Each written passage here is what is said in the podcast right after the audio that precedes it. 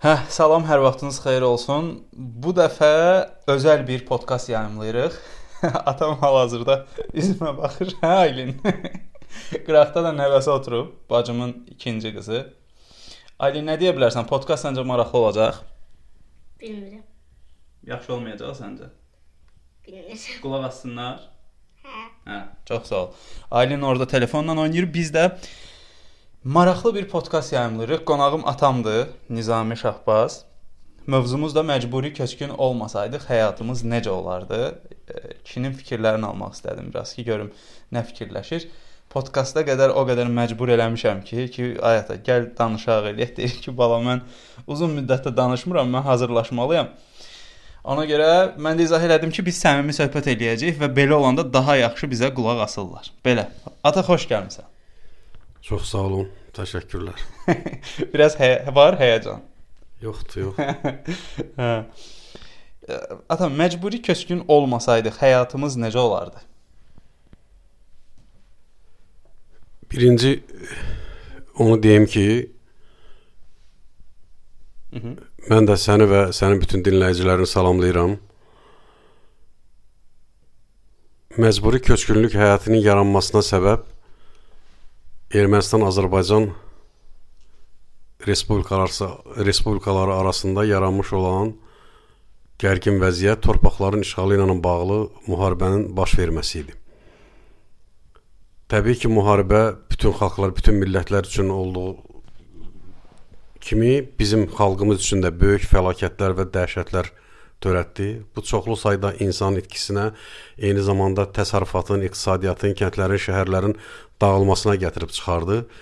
Və onu da deyim ki, e, təxminən müharibə başlayan illərdə bu bizim nisbətən e, gənclik illərimizə düşürdü.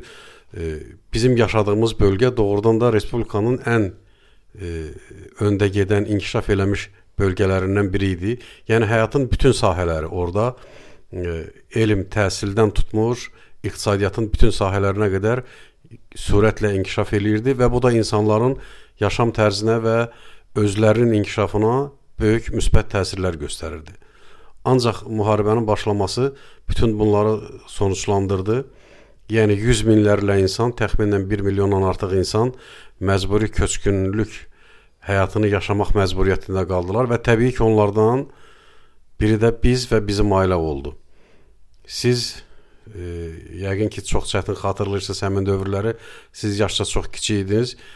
Məcburi köçkün həyatının e, məşəqqətlərini, çətinliklərini anlatmaq həm çətindir, o günlərə qayıtmaq həm çətindir. Eyni zamanda insan onları anladan zaman e, kədərlənmədən keçinə bilmir. Çünki e, o məşəqqətli ağır günləri, o çətinliyi, e, e, yer problemi, yaşamaq problemi, evi, ailəni, uşaqları ərzaqla təmin eləmək problemləri və bütün bunların kontekstində o dövrə qədər qazanmış olduğun nəyin varsa, onların hamısını itirmək və ən başlıcası da səni güclü edən, səni e, üstün edən, bir insan olaraq özünü hiss etməyə vadar edən torpağın itirilməsi doğrudan da insan üçün böyük e, dəhşət idi və biz o anları yaşadıq. E, Çox sağ ol baba. Bir dənə də sualım var. Hə, bitirmişdin də, hə? Hə, hə, tamam. Bir dənə də sualım var. E, bu arada atam mənim tarixçidir. Tarix müəllimi kimi çalışırdı. İndi indi o da bir olsaydı. İndi ata bir dənə oliqarx idi, mən də Qalenvagen sürürdüm. Amma bax o çətin həyat var. Mən uşaq idim də. Biz o evdə qal, bu evdə qal, gəl. Həm də o alışmağa şey şərait məsələsi var da ki, uğurlu ola bilmirdik. Məsələn, Təbii. mən düşünürəm ki, sən elə adamsan ki, ə, uğurlu bir sistem olsa, orada o sistemdə sən çox uğurlu bir müəllim və varlı bir müəllim olmalısan ki, mən düşünürəm ki, müəllim ə, təb cəmiyyətin ən varlı adamı olmalıdır. Məsələ bu budur. O hazırlaşdırırdı nə bizi tarixdən ki, uşaqlar gedin oxuyun, yaxşı olacaq hər şey, yaxşı. O çətinlik mərhələsi oldu. Gəldin, indi biz uşaq idik də, iki bacı, bir oğlan. O çətinlik mərhələsində o işin maddi tərəfi var ha. Bax, orada nə fikirləşirdin? Məsəl üçün necə olacaq? Yəni belə narahatlıqlar və s. istəyirəm və onu danışasan.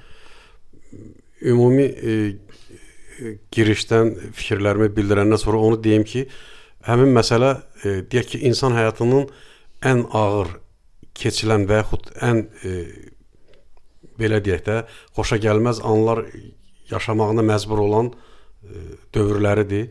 Çünki bir tərəfdən sənin aldığın təhsil, aldığın e,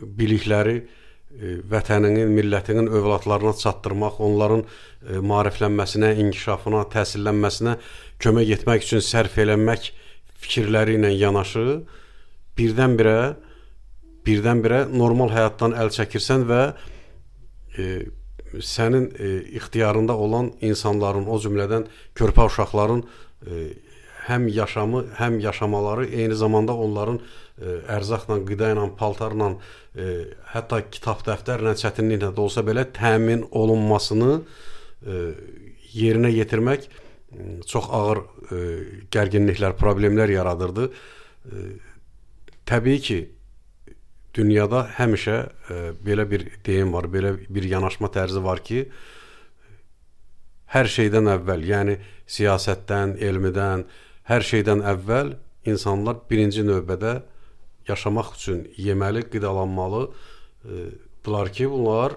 özlərini normal e, sağlam gümrah hiss etsinlər və sonrakı işlərinə məşğul olsunlar. Bu bizim üçün ən ağır, ən gərgin problemlərdən biri idi. E, yəni mən o dövrləri çox xırdalıqlarına qədər də xatırlaya bilərəm, amma e, istəmirəm, heç istəmirəm ki, e, deyək ki, sən o sualı təkrar e, olaraq verəndə belə mən həmin anları xatırlayım. Yəni e, insan öz mövcud olduğu e, keyfiyyətlərdən çıxaraq öz e, yaxınlarını, doğmalarını, ailə üzvlərini yaşatmaq üçün e, nələrə razılaşır, nələrin e, məşəqqətlərini çəkməli olur. E, bunu xatırlamasaq daha yaxşıdır. Çox çox çox ağır və çox e, xoşa gəlməyən anlar və günlər yaşamışıq. O balaca vaxtı ağlaya-ağlaya gəldim evə ki, anaya dedim ki, mama, biz mama deyirik də. Mama, bəs çöldə mənə deyirlər qaçqın, torpağını satıb gələn, nə bilim, belə eləmisiz, elə eləmisiz. Dalaşıb gəlirdim. Sırf ona görə də karateyə başlamışdım ki, gedim o sözü deyənləri döyüm. Ağrılıdır doğrudan da. Amma əsas odur ki, nəsə bir nəticə əldə edə bildik də, hə, uşaqların bir yerə çıxdı. Təbii ki, e, bizim e, elə bil ki, üzr istəyirəm. Elə bil sənin o vaxtki arzun müəllimlik, oğlun elə bir təxminən onu eləyir. Amma onun bir üst ə, mərhələsini də eləyir də, tanınır və s. və s. belə şeylər.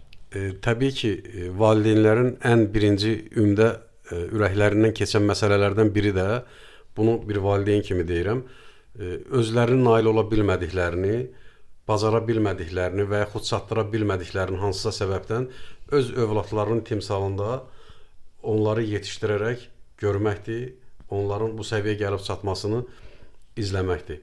Yəni o baxımdan tamamilə mən sizlə razıyam.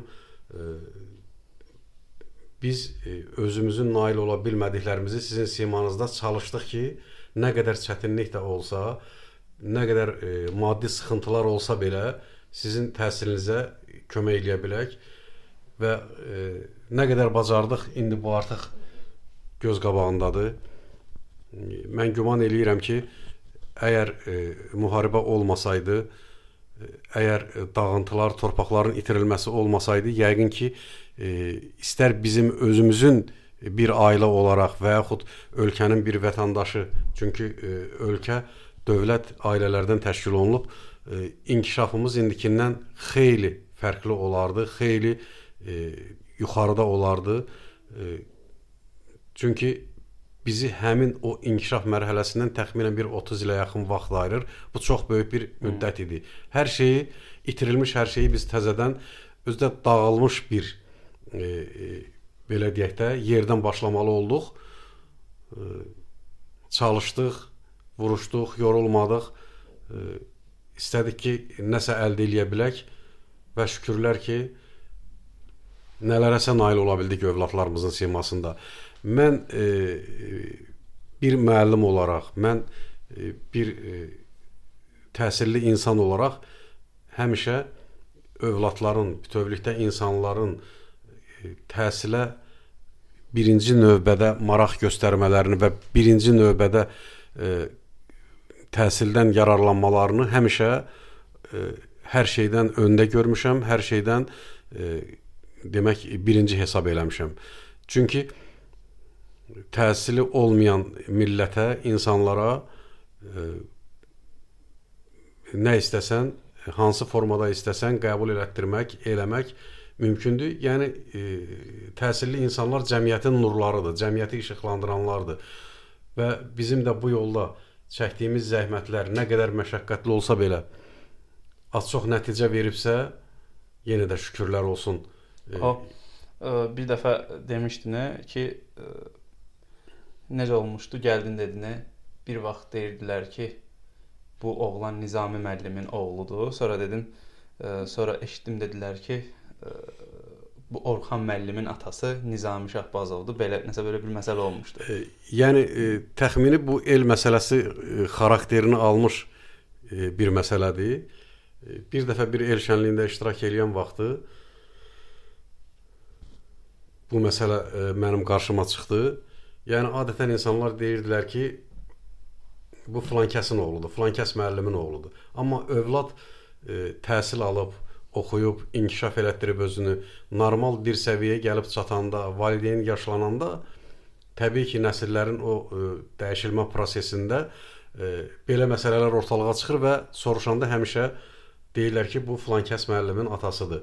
Mən o ə, xatırlatdığım enşənliklərin birində ə, tanışlardan biri ilə söhbət edən zaman ə, ətrafdakıların soruşması ki, bəs kimdir bu? O ə, məsələ orada ə, demək bu şəkildə ifadə olundu ki, bu Orxan müəllimin atasıdır.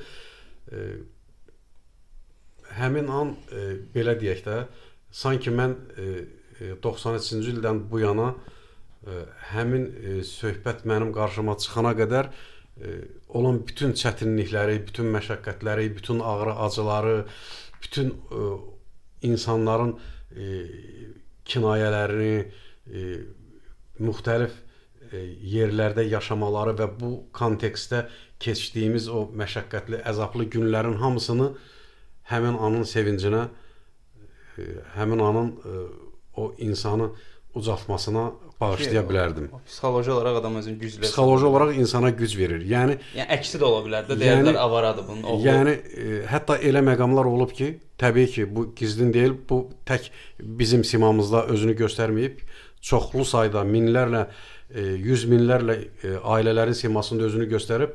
Elə vaxtlar olub, hətta mən evin e, e, çörək üçün nəzərdə tutulmuş ehtiyat pullarını da sizin dəftər kitabınız, sizin e, e, təhsil almanız üçün lazım olan e, sahələrə xərcləməyi üstün bilmişəm və addımlarımızı da bu şəkildə atmışıq və təbii ki, həmin məqam e, bunların e, demək düzgün olduğunu e, təsdiq edən məqamlarıdır və sevindirici idi. Olmasaydı indi qırıq qırıq düşmüşdü. Belə, baba çox sağ ol gəldiyin üçün. Təşəkkür edirəm danışdığına görə. Alındı amma hə, deyirdin. Ee, amma biraz həyəcan, biraz gərginlik isə amma maraqlıdır da. Həyəcan e, nə mənada həyəcan? Yəni e, biz e, o anları, o gərginlikləri yaşamış ailələrdən biriyik. Təbii ki, bunları xatırlayanda istər-istəməz həyəcan da olmalıdır. O günlərdən həyəcansız danışmaq mümkün deyil. İndi şükürlər olsun ki, e, torpaqlarımız ordumuzun, Azərbaycan xalqının onun rəhbərlərinin vasitəsilə e, işğaldan azad olunub. Bu bizi həddindən artıq dərəcədə sevindirir e, və ümidimizi artırır ki, e, talih qismət bizi bəlkə də həmin illərə, həmin günlərə bir daha qaytardı və qaldığımız yerdən həyatı yenidən davam elətdirməyə başlaya bildik. Qəşəng onda həyatda bir dənə şey açarıq, stul, təlim keçərəm orada. Allah qoysa, e, Allah o günləri də qismət eləsin hamımız üçün. E, Belə, yəni o dövrü xatırlamağın özü həmişə həyəcandır. Ağır, İnşallah əgər indi qayıtsa, ə, köçsək ora, Füzulidə indi öz kəndimizdə bir dənə də belə podkast yayımlarıq, hətta video çəkərik ki, ə, fərqi dinləyərik də. Onda nə hiss eləyirdik, indi nə hiss eləyirik. Allah qoysa, ə, tək ki sizin işiniz uğurlu getsin, ə, torpaqlarımızın bərpası müvəffəqiyyətlə uğurundan getsin və e, bizim həmin ərazilərdə yenidən öz doğma torpaqlarımızdan məskunlaşmağımız üçün şərait daha tez yaransın və e, yəqin ki yəqin ki onda hər şey indikindən qat-qat gözəl olacaq. İnşallah görək də. Belə, çox sağ olun gəldiyinə görə təşəkkür edirəm. İzləyici, dinləyicilərə də təşəkkürümü bildirirəm. Suallarınız, fikirləriniz, əlavələriniz olsa mütləq yazın. Növbəti podkast podkastlarda görüşərik. Özünüzə yaxşı baxın. Sağ olun.